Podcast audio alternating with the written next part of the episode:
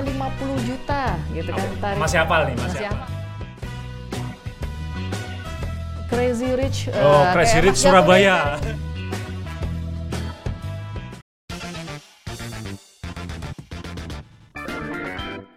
Halo, ketemu lagi di podcastku Pengetahuan dalam Genggamanku.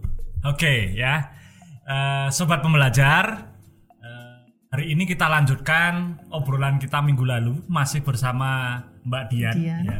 Mbak Dian Anggra ini penyuluh dari Direktorat P2 Humas Direktorat Jenderal Pajak ya. Jadi eh, sebulan ini di blok jadwal beliau untuk ngobrolin masalah undang-undang HPP. Gak apa-apa ya Mbak ya. dengan Gitu. Memang tugasnya jadi penyuluh pajak kok Iya, ya. Malah senang.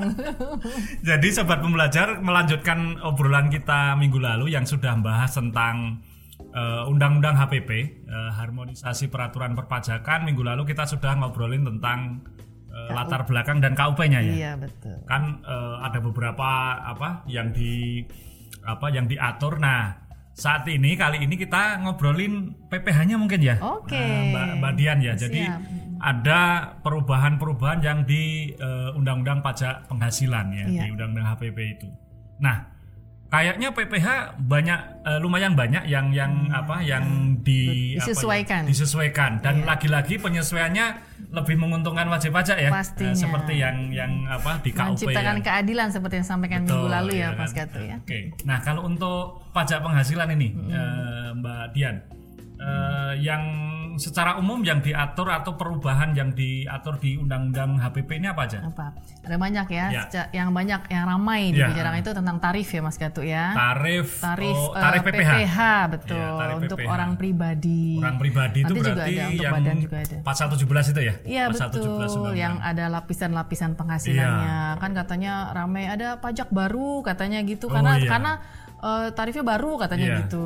Yang Dan itu banyak yang apa banyak yang salah persepsi juga kalau nggak salah Iya. itu oh apa eh, sekarang dinaikkan dari apa jadi ketika dinaikkan itu orang mikirnya oh tarifnya langsung naik, Naik, gitu kan betul. seperti itu ya itu sebenarnya gimana sih mbak Sebenarnya kita bahas satu-satu ya. ya Mas bahas Gato satu-satu yang dari tarif PPh orang, Orang pribadi, pribadi, dulu ya. Oke. jadi eh, PPh orang pribadi ini tarifnya Iya, tarifnya. Kan kalau di pasal 17 nih di undang-undang Iya. PPh lama kan memang ada dibagi menjadi bracket-bracket lapisan penghasilan. ya apa kita Lapis- pakai eh, apa tarif pajak progresif ya. Iya betul. kan kalau dulu penghasilan 0 sampai 50 juta gitu kan Aku tarif. Masih hafal nih masih, masih hafal, ya? coba. Saya mau- 0 sampai 50 juta 5 persen. 50 juta sampai 250 juta eh, 15 persen 250 juta sampai 500 eh, 25 persen. Eh bener ya? benar. Iya 50 250 250 juta sampai sampai 500 500. 25 persen kan? Iya. baru di atas baru di atas 500 yang 30 persen Betul. Iya bener kan? Tapi jangan ditanya yang baru karena masih baru nih. Yang, yang baru tapi gimana tadi sempat ragu tadi kan Iya, iya. "Hmm." ternyata masih belum yakin Oh, ya. belum yakin. Oke, habis yang gituin penyuluh ya, tapi Iya. salah beneran ya. Oke, betul sekali Mas Gato. Nah, yang baru Iya iya. Ini tadi seperti yang sudah kita bahas minggu lalu, mencerminkan keadilan. Keadilan, ya. artinya apa? Untuk yang lapisan paling bawah, Oke. itu lapisan tarifnya diperluas. Jadi Oh, yang dari 0 diperluas. sampai 50 juta sekarang menjadi 60 juta. Oh jadi kalau eh, apa sampai 60 juta sekarang kenanya Masih 5 persen. 5%, Jadi tidak tidak Tidak ap- pindah ke lapisan tidak selanjutnya. Lapisan yang dua 15 persen. 15%, Iya iya. Berarti gini, kalau dulu misalkan eh, ada penghasilan kena pajak setelah Iya. PTKP ya. Iya, betul. Setelah PTKP eh, itu 60 juta. Kalau dulu kan yang 50 juta kena 5 persen, yang 10 juta kena 15 persen. Iya, nah betul. sekarang, Sekarang 60 masih. juta itu kena 5 persen 5% semuanya. Oh lebih semua. untung nah, ya, benar. benar kan? Jadi untuk mereka yang penghasilannya eh, apa Menengah di ke bawah lah ah, ya. yang menengah ke bawah itu lebih diuntungkan dengan tarif baru Diuntungkan. itu. mencerminkan dukungan pemerintah Ya, kan ya, untuk ya. masyarakat yang menengah ke bawah. Oke, lanjut terus itunya setelah- di lain sisi yang tadi kalau yang di bawahnya dinaikkan uh, lapisannya sehingga tidak lebih untung. Iya, iya. Nah, yang orang-orang kaya nih, Mm, mm, mm. menurut Mas Gato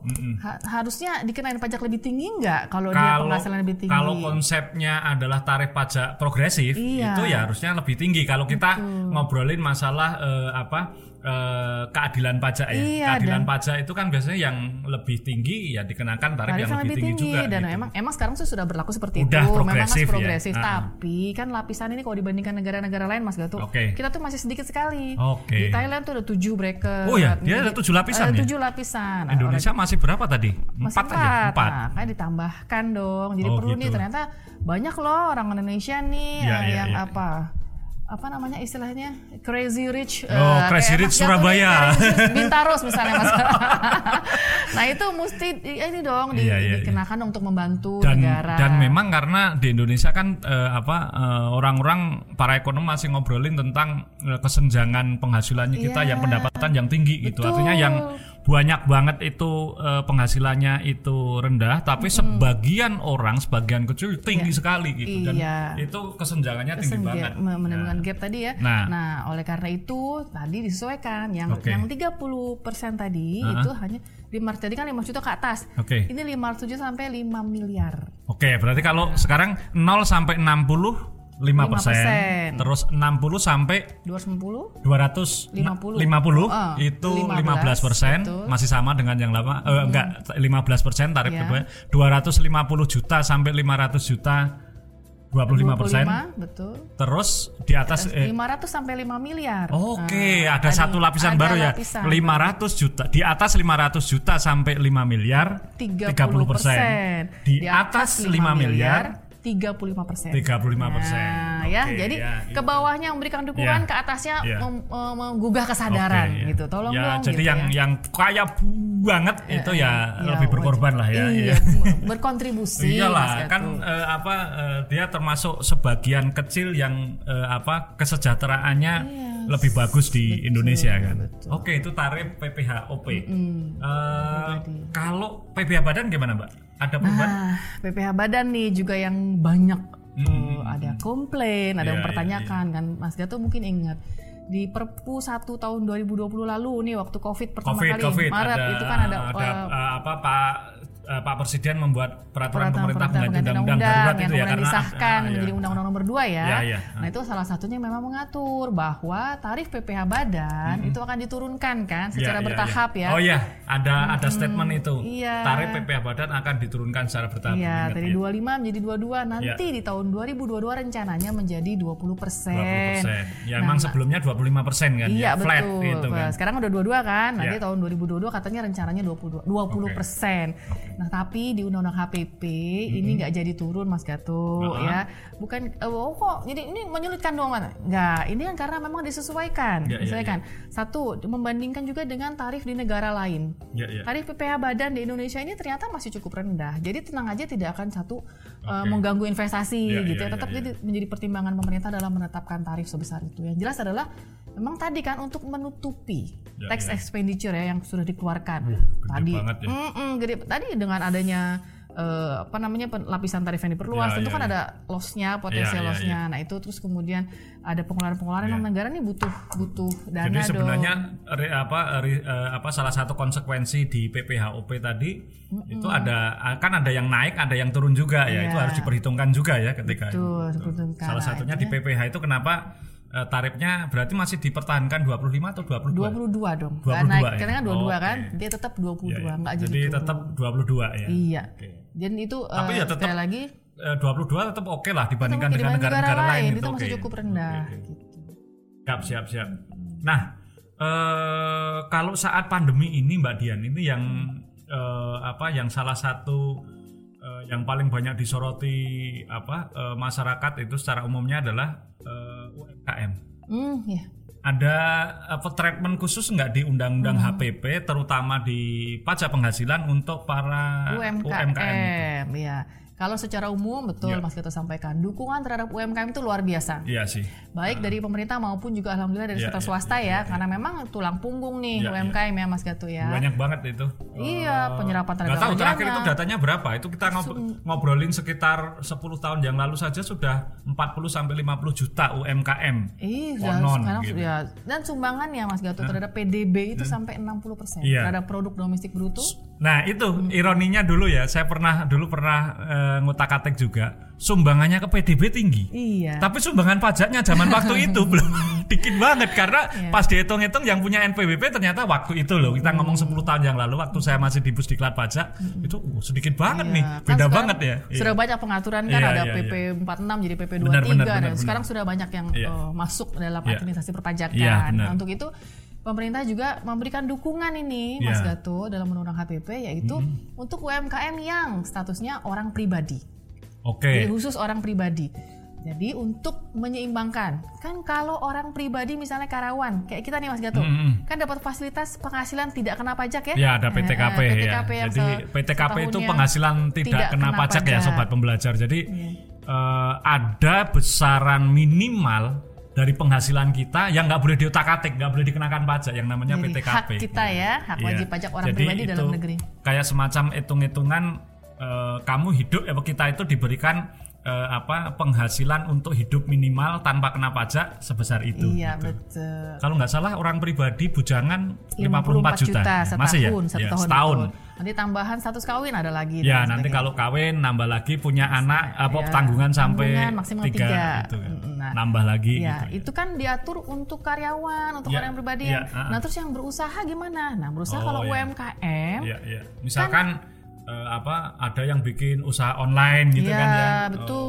bikin apa usaha ya, catering, di rumah gitu buka kan. kafe Nah, gitu buka kan. ka- Itu eh, kan kalau omsetnya eh, eh. di bawah 4,8 miliar selama satu tahun, ya kan harusnya nol setengah Yes, eh setengah persen setengah ya persen 0,5 persen dari omset setiap bulannya Iya, betul. Untuk orang pribadi ya, yang Iya, iya. kalau dia uh, ber- berdirinya setelah 2018 selama tujuh tahun tuh bisa menikmati Iya, omset ah. yang sangat rendah tadi. Eh, omset tarif yang sangat tarif. rendah tadi. Kalau omsetnya masih di bawah 4,8 4,8 miliar setahun Iya. Iya. Nah, tapi mereka kan misal nih, Mas Gato, Ah. misalnya apa? uh, Oh, ada aku usaha. baru buka nih, baru buka nih, nggak tahu untung nggak tahu ini kok sudah suruh bayar. Ternyata ada omset kan, oh, Iya. 10 juta, langsung kali setengah persen. Iya, Walaupun kan- cuma 50 ribu iya, gitu, tapi oh. kan nggak ada fasilitas PTKP Iya, tadi. iya, iya. Nah, di Undang-Undang HPP sekarang ada. Jadi untuk khusus UKM orang pribadi catat Iya. ya. Jadi kalau badan nggak nih. Untuk usaha UKM orang pribadi, Pribadi. ada tambahan apa itu? Ada fasilitas? PTKP. Jadi dia Oh, ada PTKP.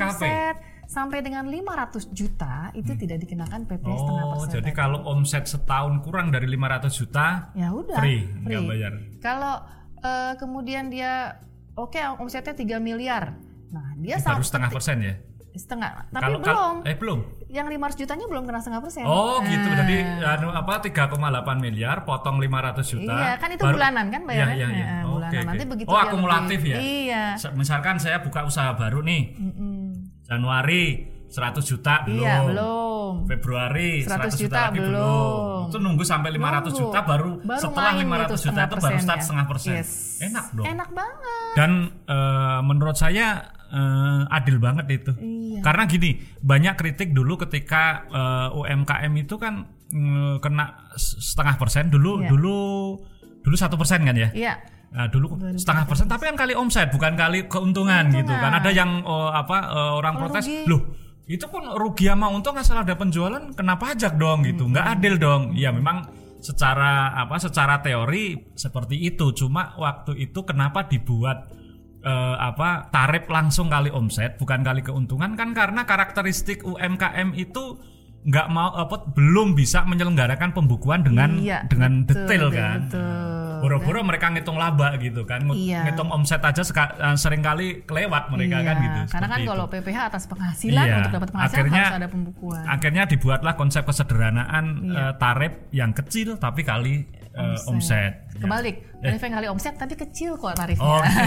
gitu ya iya. Nah, eh, apa mungkin dengan apa ada PTKP atau batasan omset minimum yang tidak kena Iya. pajak itu itulah untuk Lebih me- memudahkan iya. lah ya, Kalau walaupun- omsetnya kecil-kecil, oh ini berarti kemungkinan belum untung. Oh, Artinya bisa jangan jadi bayar, begitu. bisa jadi begitu kan. Iya, iya bisa jadi. Walaupun kalau Fair loh itu fair, Iya, fair. kalau tadi yang Mas Gato sebutkan penjelasan kenapa dia dari omset ini sudah dijelaskan ya karena Ya, ya. kan tadi tidak membuka. ya. Tapi kalau yang ke sini yang ta- eh, PTKP ini lebih kepada tadi memberikan dukungan dan eh, supaya setara Ya, ya, orang pribadi itu benar, setara benar. dia usaha atau tidak usaha sama-sama bisa dan ini juga PTKP. membuat apa istilahnya membuat eh, peluang atau memberikan peluang bagi usaha-usaha UMKM orang pribadi agar agar lebih berkontribusi itu tadi. Iya betul. Karena kontri ya itu tadi kontribusi untuk PDB gede. Gede. Tinggal sekarang nih kontribusi untuk pajaknya nih. Pajak. Sudah semakin meningkat kok Mas Gitu, iya, benar. Karena mereka walaupun kecil-kecil mungkin Iya, tapi banyak. sekali iya. dan eh, apa terutama di era eh, apa eh, 4.0 ini kan Iya. banyak usaha-usaha yang serba online ini usaha-usaha yang dulu eh, hanya dimiliki oleh perusahaan yang bermodal besar Iya. sekarang, kan digantikan oleh pengusaha yang kecil-kecil tapi banyak sekali itu Iya. kan. Matahari Mall tutup yang punya modal gede itu tapi penggantinya orang jualan baju itu di seluruh Indonesia kan semua orang sekarang bisa berusaha gitu. Iya, lewat platform mana Iya, aja. iya. Mau buka IG disuguhin Iya. lu. saya punya kaos-kaos bekas banyak saya jual di online di buka lapak di apa laku juga gitu cepet kan. ya. Dan gampang gitu kan. Gampang. Artinya eh, nggak se apa istilahnya nggak dimonopoli oleh orang-orang yang bermodal besar zaman dulu. Iya, nah ini kan berarti perputaran ekonominya luar biasa. Iya. Nah, bagaimana dengan pajaknya? Nah itu ya, ya. bener. Kar- Kadang-kadang orang lupa yang bagian pajak terutama memang yang orang pribadi eh, apa UMKM orang pribadi itu. Iya, nanti itu akan ada seg- eh, segmen Iya, yang iya. lain sebenarnya Iya. Mas Gato ya kalau online-nya Ah, kita nanti kapan-kapan bahas online. itu deh pajak online itu Iya, juga penasaran gimana? banget sih eh, apa eh, karena eh, apa banyak perusahaan-perusahaan ya atau apa ya toko-toko yang sudah pakai PPN kok itu yang di yang di Tokopedia yang orang-orang jualan pribadi nggak kena ya gitu kan kan ini juga kan Iya, itu banyak itu yang Ya, bertanya-tanya. Oke oke oke keren.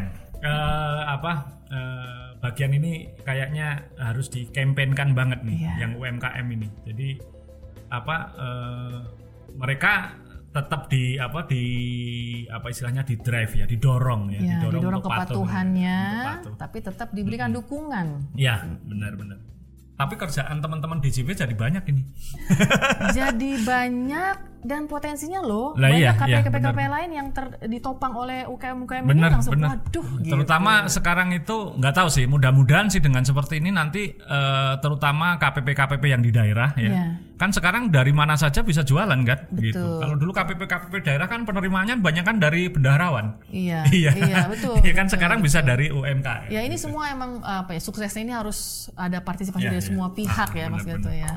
Dan kayaknya untuk yang bagian ini, bagian PPH UMKM ini sekarang DJP yang PR kerjaannya paling banyak mungkin Mbak Dian dan kawan-kawan penyuluh pajaknya ini kan. Ya, ya kan ini kan penyuluh pajak ya. Iya, iya. Oke, eh, lanjut sekarang ke ada lagi nggak yang di apa selain UMKM di Eh, PPH, Mbak? PPH ada lagi Atau ya. masalah ini, sering kali orang banyak bertanya, eh, apa kan sekarang itu perusahaan atau atau kan suka pinter-pinter gitu, eh, melakukan tax planning ya. Hmm. Oke, eh, apa kamu eh, apa gajinya tak sama apa nggak tak naikkan, tapi tak kasih mobil. Oke. Lalu Berarti tak kan PP apa? 21-nya kan nah, begitu gitu ya. kan. Ada Oh, apa namanya eh, pemberian natura, ya. Nah. Fringe benefit. Fringe ya. benefit, eh. Fre- fringe Benefit. benefit, udah belibet saya ngomongnya gitu. Sudah lama nggak dipajak soalnya. Natura itu pemberian apa ya istilahnya? kenikmatan atau Kenikmatan ya. itu. Iya. Ada Tidak dalam bentuk uang. Iya betul. Ini perubahan yang besar sekali Oh, juga. ada- nih. ada- ada peraturan ya? Iya, ada undang-undang PPH. Jadi seperti yang Mas Gato sampaikan Ah, tadi, eh, banyak ya kalangan. Biasanya sih malah justru yang men, eh, pegawai yang menengah ke atas misalnya. Kayak direksinya Iya, gitu kan iya. menikmati loh fasilitas Iya. mobil-mobil Mobil mewah atau mungkin mewah. berlibur ke mana Mm-mm. itu kan Iya, selama Nah. ini kayaknya eh, apa kayak kelewat gitu ya, Iya, kelewat. gitu. nah, Nah, itu banyak perusahaan yang sering kali eh, apa mem- me- apa menggunakan area itu untuk bisa mengeluarkan eh, apa ya duit atau memberikan penghasilan Iya, sebenarnya kan dalam iya. tanda petik, tapi nggak kena pajak gitu. Iya, walaupun kan memang bagi perusahaan tidak boleh dibayarkan dulu. Iya, iya, iya. Tapi kan eh, kalau dibanding kalau ngomong tax planning nih, Iya, iya, kita iya. jabanin nih ya. Iya bener ya. Kan kalau perusahaan aku udah iya. udah apa sudah sudah eh, sudah sudah, Sudah- tahapnya itu sudah sudah me- membiayakan. Iya. Nah, membiayakan, kalau kan- perusahaan kalau perusahaan baru kan sering kali eh, Masih mau rugi. bi- eh, masih rugi kan Betul. biaya segede apa pun aku tetap rugi Yes, gitu. kalaupun untung dia tarifnya hanya 22%. Iya, gitu. Sedangkan kalau tadi yang dikenakan adalah eh, yang high class-nya Iya. gitu ya, itu kan penghasilannya mungkin di atas Iya. sudah di atas 5 miliar bahkan, Iya, itu ah, bisa kenanya 35% Iya, harusnya. Nah, oleh karena itu ya, Iya. supaya lagi-lagi mencerminkan tadi prinsip Iya, keadilan iya. Mas Gato, maka di Undang-Undang HPP ini untuk pemberian natura Natura. itu merupakan penghasilan bagi yang menerima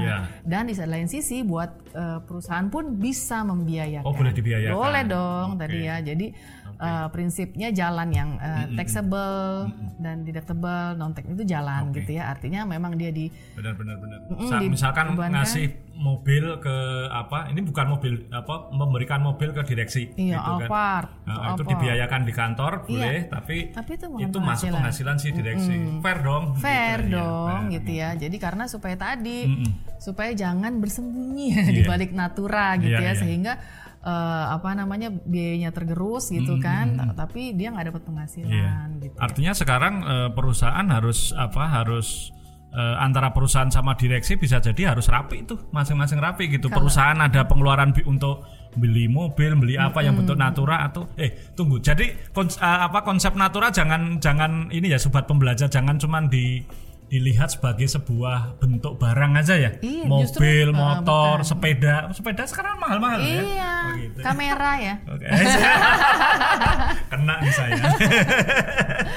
iya, kalau dikasih fasilitas nih, misalnya Mas Gato nih kan gitu. bisa juga eh, apa fling benefit atau eh, pemberian dalam bentuk natura itu tidak selalu harus berupa barang kenikmatan, Kenikmatan. atau fasilitas kan bisa juga gitu iya. misalkan yang paling banyak itu jalan-jalan gitu. Betul nah itu eh, Termasuk itu harusnya menjadi penghasilan. ya ini masih sering loss loh misalkan kayak gini eh, sering kali eh, apa ada fasilitas eh, jalan-jalan nih ke luar negeri atau apa sering kali ada namanya tour insentif Ya. itu kan sebenarnya Iya, natura juga ini Natura betul. sama misalkan kalau di perusahaan kamera itu ada banyak dealer Hmm. gitu. penjualannya tercapai gitu kamu dapat tiket jalan-jalan ke Amerika diajarin itu kan eh, kenikmatan kan natura nggak berupa barang gitu kan Iya. Betul. nah itu Tapi- biasa selama ini ya sudah Ya kayak orang diajak jalan-jalan di SPT juga nggak saya laporkan gitu. Iya, Nah, dan nggak dibiayakan emang gitu Iya, kan. Tapi iya. kan ya nggak ketahuan jadi Iya, nggak iya, ah. tercapture gitu Iya. ya. Nah, padahal itu adalah suatu objek pajak Bener, harusnya gitu. Walaupun sering kali pemeriksa pajak itu dulu kalau meriksa yang kayak gitu setengah mati kok nggak ketemu ya, gitu susah. iya. Iya karena di sana nggak dilaporkan di sini juga nggak Iya, dibiayakan kan. Iya, Sekarang benar. silakan aja dibiayakan, tapi itu merupakan penghasilan loh ya. Iya, iya. gitu. Nah, tapi ada pengecualian. pengecualiannya Tetap. apa itu Sebenarnya pengecualian ini juga bukan hal baru sudah Iya, pernah iya, diatur dalam peraturan Menteri Keuangan 167 ya Mas Gato ya PM 167 mengenai Hmm. ada eh, pemberian tertentu natura atau kenikmatan Hmm. tertentu yang bukan merupakan objek seperti penyediaan makan dan minuman di Oh, daerah iya. tertentu ya Iya, iya, kan. iya. Nah, Itu tetap ada kalau ada itu tetap, ya ada Kan ada. karena itu sifatnya adalah pengecualian di apa eh, perlakuan khusus Iya, kan, perlawanan khusus di daerah terpencil dan lain sebagainya iya, itu adalah eh, natura dan kenikmatannya di daerah tertentu. Jadi bukan cuma makanan minuman ya, Iya, iya. natura dan kenikmatan. Kemudian ada natura dan kenikmatan karena keharusan pekerjaan. Jadi kayak Contohnya apa itu misalnya? contohnya kayak pakaian security, Oh, gitu iya, kan, iya, keamanan. Nah, iya, itu iya. kan Pakaian eh, pabrik eh, gitu pakaian kan. pabrik keamanan, Sepatu pabrik yes, gitu kan. gitu. Iya, iya, Nah, itu kan iya. karena keharusan pekerjaan. Iya, iya. Nah, itu bukan penghasilan Iya, gitu iya. ya. dia diberikan baju khusus itu oleh perusahaan Iya gitu, betul. Terus natura dan kenikmatan yang bersumber dari APBN atau APBD. Jadi kalau Oke. misalnya yang eh, apa negeri atau pejabat Iya, ya iya. dapat mobil dinas plat merah itu ya iya. oh enggak ya. bukan ini dong. juga natura ini dari kantor ini baju ini Iya. natura nih Untung tapi Bapak dari pegawai negeri ya. tapi dari APBN, ya. Jadi bukan Aman, penghasilan dan Iya. eh, natura atau kenikmatan lain dengan jenis dan batasan nilai tertentu. Jadi Oke. ini nanti akan ada aturan pelaksanaannya. ada ada tunggu tanggal mainnya Tunggu juga tanggal berarti mainnya. kan Mungkin Mas Gato juga pernah dengar ya, ada banyak yang bertanya-tanya kan tadi Mas Gato sampaikan. Kan dalam bentuk barang kalau misalnya HP, notebook iya. tuh gimana tuh gitu Oh, ya. iya. Apa jadi Ah, ah, penghasilan juga itu banyak. Nah, Bu Menteri ini walaupun aturan pelaksanaannya belum keluar, Iya. tapi Ibu Menteri sudah sering menyampaikan bahwa kalau handphone, notebook itu kan memang dipakai untuk, Untuk bekerja, bekerja, yaitu iya. bukan penghasilan. Iya, Tenang aja. Jadi nggak gitu-gitu amat Iya. kok gitu ya Mas Gato ya. Tetap Tapi biasanya kalau notebook itu kayak notebook itu eh, itu nggak dikasih pure gitu kok biasanya kok itu eh, apa inventarisnya biasanya masih inventaris kantor, gitu. Kantor, Artinya iya, masih betul. dibiayakan di kantor gitu. Iya, iya, iya. Tapi Ya, kalau itu- handphone saya nggak tahu. Tapi eh, handphone juga mungkin ya dari secara nilai juga tidak Ya, material mungkin ya dan memang memang ada Oh, kan pekerjaan. Oh tergantung handphonenya. Kalau handphone saya murah sih Pak Gato. Ntar handphone iPhone yang 13 Oh, atau iya, Samsung yang bisa ditekuk-tekuk. Aduh, Aduh. seru banget nih PPH. Tapi eh, sama ya dengan KUP yang kemarin itu eh, apa lebih friendly dan eh, apa eh, untuk wajib pajak secara umum ya secara umum itu eh, apa eh, lebih eh, mendorong wajib pajak untuk patuh gitu. Iya kan? Betul. Patuh secara sukarela. Patuh secara sukarela ya. Tax compliance. Voluntary compliance. Eh sorry, voluntary compliance. Sudah lupa banyak saya gitu. Oke, nah terakhir ya sebelum kita tutup Mbak Dian, sama seperti pertanyaan ketika kita bahas KUP kemarin, meskipun dalam satu undang-undang ya. Untuk yang PPH berlakunya kapan? Nah, untuk PPH berlakunya pada tahun pajak 2022. Antara Tahun pajak 2022. Berarti kalau saya lapor SPT PP eh, SPT, SPT PPH tahun 2021 sekarang, yang Belum. nanti lapornya di Maret, 2022 belum ya? Belum. Oke, berarti hanya untuk penghasilan yang start mulai dari Januari nanti Yes, ya. Oke, sekali. keren. Ya, itu apa eh, sobat pembelajar bisa disampaikan juga ya, terutama sobat sobat pembelajar yang punya usaha mungkin gitu kan, yang jualan ikut-ikut jualan online itu starting pointnya di Januari 2022. Tahun pajak Tahun 2022. pajak 2022 ya. Eh, dimulainya ya dari dihitungnya dari 1 Januari 22, 2022. Ya. Oke, keren banget. Ah, nggak terasa udah apa sudah Udah ngobrol banyak ya udah ngobrol PPH. banyak tentang PPH. Meskipun kalau kita kejar lagi detailnya pasti lebih Iya. apa lebih banyak lagi ya. Kita tunggu aturan pelaksananya Iya. lebih detailnya. Oke ya, nanti kita masih ada peraturan-peraturan pelaksanaan lagi. Nanti kita tunggu bisa diinformasikan lagi. Mbak Dian bisa dipanggil ke sini kapan saja ya. Dengan senang Oke. hati. Thank you loh Mbak Dian ya. sama-sama. Mas Gatot. Jadi sobat pembelajar eh, apa eh, obrolan tentang undang-undang HPP eh, pokoknya eh, apa terutama yang di PPH kita cukupkan sekian dulu. Nah minggu depan kita lanjutkan nanti di mungkin PPN-nya ya atau Iya. pajak karbonnya lah nanti kita lanjutkan ya. Eh, apa tetap dengan Mbak Dian. Jadi tetap stay tune di podcastku pengetahuan dalam genggamanku. Genggaman.